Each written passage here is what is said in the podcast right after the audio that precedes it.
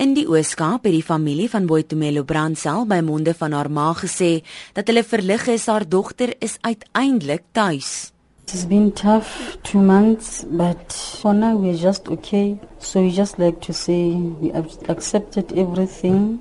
Maatskaplike werkers het baie familielede in die moeilike tyd bygestaan. In Limpopo het die Mbetsi familie van Amashamba by Teloe Trigard hul enigste dogter Mpo verloor.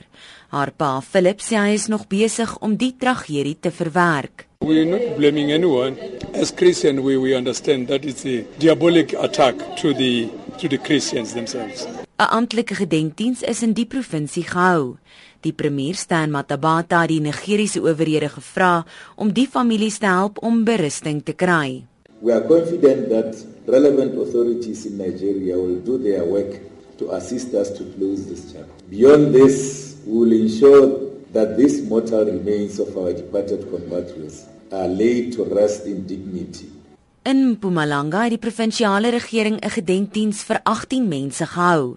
Die premier van Mpumalanga, David Mabuza, het vrede gevra. Let us take each and every step in a very disciplined fashion. No matter how long it will take, we are going to finish this journey. Intussen vertel Nicholas Siboza dat dit 'n moeilike pad vir sy familie was na hul broer se dood. It's it's sort of a relief. It's been tough 2 months, but now we're relieved that at least our brother is back home. In Noordwes is familielede verlig dat hulle hul geliefdes kan begrawe.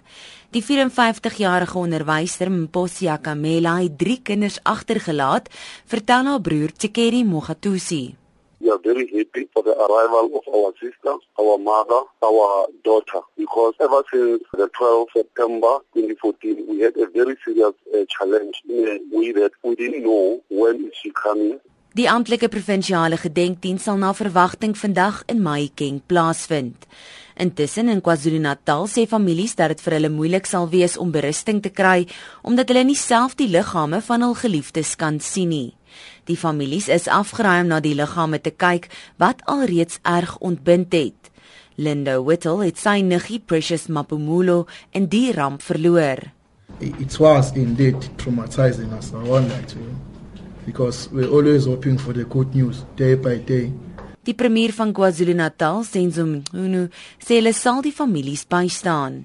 We want to say to you, we guarantee you that where we get an understanding that you require any other support to bury your loved ones, we will go out of our way and make sure that no other pain other than uh, pain coming from the fact that you have lost uh, uh, someone.